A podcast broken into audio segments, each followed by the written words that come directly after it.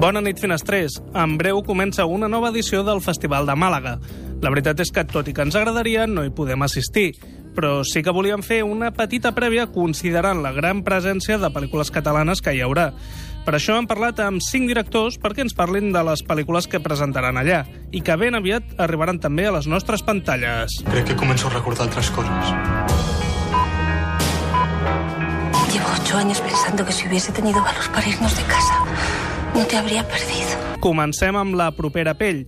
En aquest cas, dos directors, Isaki La Cuesta i Isa Campo, que ens parlen d'aquest film sobre uns pares interpretats per Emma Suárez i Sergi López que recuperen el seu fill perdut fa 8 anys, interpretat per Alex Moner, i la sospita de que pot no ser la persona que diu ser. Aquesta història d'un xaval que, que va desaparèixer i al cap de 8 anys troben un adolescent en un centre de menors francès, un centre de xavals acollits, de, de petits delinqüents, i un dels monitors fa una sèrie de d'estudis i arriba a la conclusió que és un xaval que havia desaparegut a Catalunya, que no té xaval de principi, i, i el, la mare, que és l'Emma Suárez, i el seu oncle, que és el Sergi López, el reconeixen, i llavors torna a viure al poble on vivia abans, i tota la pel·lícula és la història d'aquest retorn, d'aquest intent de reconstrucció familiar i de com va creixent el dubte de si és el noi autèntic o és un impostor. Doncs és una pel·lícula que té un drama entre, entre un to molt de, de thriller molt realista i, i un drama més de personatge, més introspectiu. Va barrejant les dues coses, va barrejant aquest suspens amb,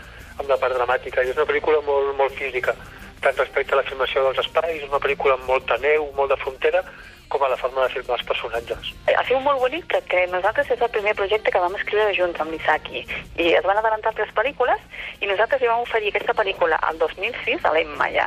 I ja ens va dir que sí, imagina, des de llavors.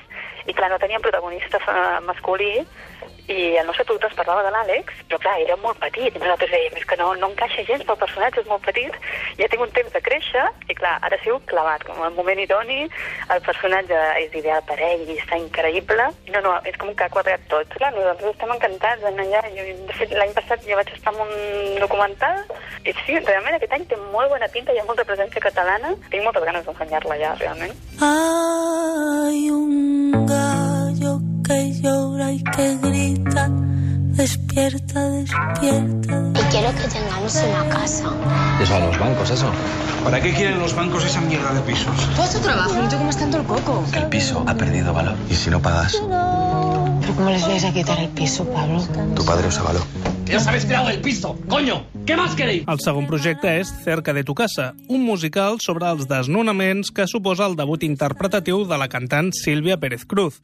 Presenta el seu director, Eduard Cortés. Fa tres anys vaig començar a veure, es van començar a visualitzar tots els casos de desnonaments i tota la part més dramàtica que, que ha portat la, la crisi del país. No? Llavors vaig veure casos molt colpidors que a mi em van pertorbar molt i vaig començar a pensar que potser estaria bé intentar fer una pel·lícula, intentar reflectir eh, tots aquells drames en una pel·lícula. I vaig anar a veure el Loris Omedes, que és el productor, i li vaig dir que feia dies que estava pensant en un projecte així, però que estava pensant que no podia ser com un telediari o com un telenotícies, sinó que li havíem de donar una singularitat, una mirada nova perquè l'espectador veiés coses que no havia vist fins ara sobre el tema. No? Llavors va ser una mica quan se'm va acudir la idea de fer-la musical, la pel·lícula. És a dir, que la pel·lícula tingués com a singularitat aquesta mirada més sentimental, amb cançons que els actors interpretarien en directe a la pel·lícula i que faria que tot un tema que era per nosaltres ja molt conegut, de cop i volta doncs, adquirís un, una nova mirada, una mirada completament novedosa, no? Jo la, a la Sílvia la vaig veure en un espectacle que va dirigir el Joan Miguel al Teatre Nacional. La vaig veure a l'escenari cantar, no interpretava, només canta, bueno, interpretava que les cançons, però vull dir que no feia d'actiu, només feia de cantant, però l'emoció que transmetia, la, la veritat, la presència escènica em va impactar tant que vaig començar a somiar amb la possibilitat d'algun dia de fer alguna amb ell, el que passa que era molt complicat perquè no sabia quin tipus de projecte podia ser. Llavors, quan vaig començar a pensar en el format musical per la pel·lícula aquesta, de seguida em va venir el seu nom al cap. Jo li vaig anar explicant què volia fer, com, de quina manera volia que encaixés ella amb el projecte, que era implicant-se molt des del principi, vull dir, eh, fent el seu recorregut com a compositora en paral·lel del que anàvem fent nosaltres els guionistes, el Piti Espanyol i jo com a, dins del guió, i llavors això la van engrescant, la van engrescant fins que va tenir bueno, va ser part de l'ànima indiscutible de, de, del projecte. I llavors, doncs, per mi, jo l'única cosa que puc dir eh, va ser un, un element absolutament inspirador i veure les escenes quan ella es posa a cantar dins de la pel·lícula és que et posa la gallina. El que sí que hem intentat és que la pel·lícula no sigui un forat negre.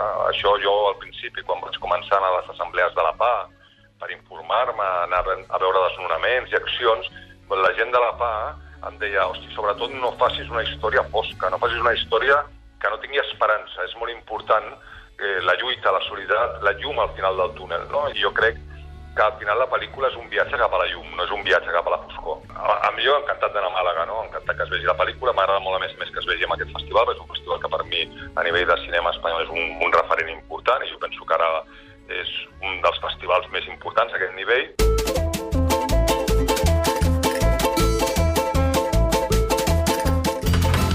Lo siento muchísimo, pero no podemos hacer nada más. Iremos a Cuatretondeta, como tú querías. ¿Está todo preparado? Vamos a tener que retrasarlo hasta mañana. ¿Cómo? Esto es un pueblo pequeñísimo y ahora estamos en plenas fiestas. ¡Para, para! ¡Con cuatro horas que te espere! Passem a una comèdia, Quatretondeta, un petit poble del País Valencià, on un home que ha perdut a la seva dona, interpretat per José Sacristán, vol que sigui enterrada encara que sigui robant el seu cos.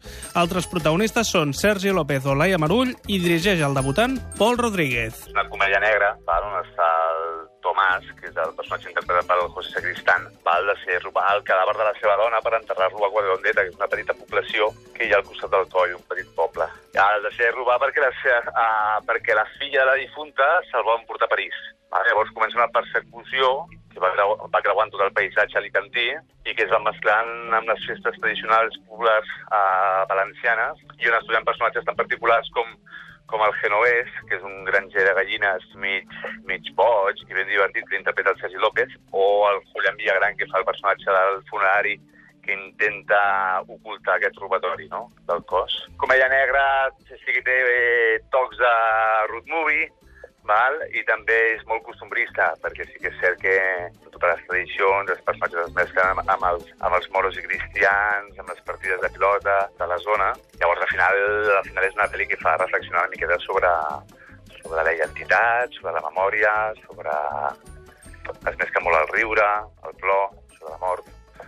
Però, en definitiva, és una comèdia, tot, i, al final és un homenatge a aquesta terra, a aquesta terra d'allà baix. És un plaer, gust. Uh, amb el Sergi de Laia ja fa molt de temps que ens coneixem, des de que jo faig de joan de direcció en pel·lícules com Pa Negra i això, fa molts anys que ens coneixem. Llavors, quan començo a escriure, penso en ells amb, el, amb aquests personatges i ells no dubten en participar-hi la pel·lícula. I després amb el, amb el Pepe passa el mateix. Escric la pel·lícula, jo coneixia també el Pepe de feia temps, escric, a, escric el paper a mesura i li envio el guió i el Pepe no dubta ni un instant. El dia següent em truca m'ha excitat que volia participar en la pel·lícula i que, anéssim de la mà. I ha sigut al final, ha sigut un plaer treballar amb ells a, tu pots pensar, no? La meva primera pel·lícula, doncs, treballar amb gent tan experimentada. L'expectativa és que a la gent li agradi la pel·lícula i que la puguem compartir. Jo feliç d'estar-hi ja i de poder estar amb tants amics en el festival.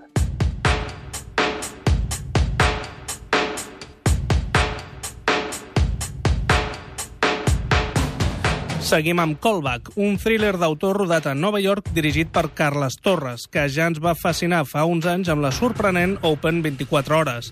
Estarà a Màlaga i també al Festival de Cinema d'Autor de Barcelona. Callback és una pel·lícula que he rodat a Nova York. Hi tracta sobre un personatge que viu a Nova York que treballa com a mosso de mudances i té una vida bastant grisa i monòtona, però que està obsessionat amb triomfar com a actor en anuncis publicitaris. Llavors, el, ell porta una vida de, bueno, de mosso de mudances que va a molts càstings i viu obsessionat amb aquest tema. I, a més a més, és un uh, fervent, uh, fanàtic cristià evangèlic i va molt amb una església evangèlica. I bé, a partir d'aquí ell lloga una habitació a casa seva i un dia arriba una noia a casa seva que es diu Alexandra i bé, quan arriba aquesta noia és quan comencen, diguem-ne, a haver-hi, a torçar-se les coses. Sí, aviam, és una pel·lícula una mica fosca, és una pel·lícula que tendeix cap al thriller, el que passa que també és una proposta bastant poc convencional. Eh? Diguem, és un thriller molt poc convencional i un thriller en el sentit més psicològic, pertorbador de la paraula, eh? no un thriller de suspens, potser, sinó aquest tipus de cinema pertorbador on seguim el dia a dia d'un personatge que és un personatge bastant fosc i d'intencions, que, que no, anem descobrint les seves intencions a poc a poc a, mi, a mida que avança la pel·lícula. Doncs contentíssims doncs, que el Festival de Màlaga doncs, l'hagi seleccionat en, en la secció oficial i, i el DA, no? O sigui, és fantàstic. A més, venen les dues seguides, o sigui, dues presentacions seguides el dia 27 d'abril a Màlaga, el dia 28 de, a Barcelona, 28 d'abril, el DA ja només que t'hagin agafat en aquests dos festivals realment és, és, és, és fantàstic. És, un aparador increïble per nosaltres.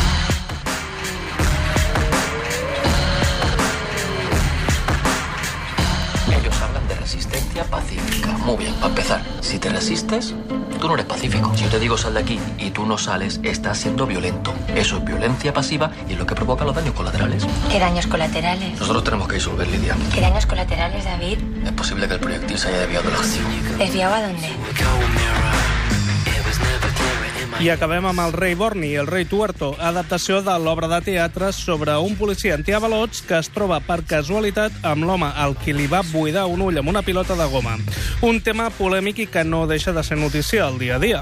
Alan Hernández i Mick Esparvé en són els protagonistes i el seu director, autor també de l'obra original, el Marc Creuet. La pel·lícula El rei Borni és una adaptació bastant, bastant fidel a l'obra de teatre en quant al, quant al que fa el, el text. El que passa és que el llenguatge cinematogràfic també fa que la percepció de la, de la història pugui, pugui canviar, no? Sí, sí, és clarament una comèdia negra, mmm, de, de, com a, diguéssim, com a estructura i com a, i com a plantejament, i de fet comença sent una comèdia com si fos una comèdia d'un sopar de parelles amb, amb més blanca, que a poc a poc es va enfosquint i es va fent més densa, no?, a mesura que un cop s'han trobat l'antiavalots i, i el manifestant que, que perd l'ull, no? A partir d'aquesta trobada es va agriando, no? es va fent més, més sèria la cosa, sense perdre mai l'humor, no? És, és algo que sempre ha sorprès, que aquest tema es pugui tractar amb humor i jo, jo, jo al contrari, jo penso que l'humor és una eina perfecta per la reflexió, no? Perquè et permet enfrontar punts de vista oposats, que la qual cosa de personatges, no? I la qual cosa fa, que són al final visions del món, no?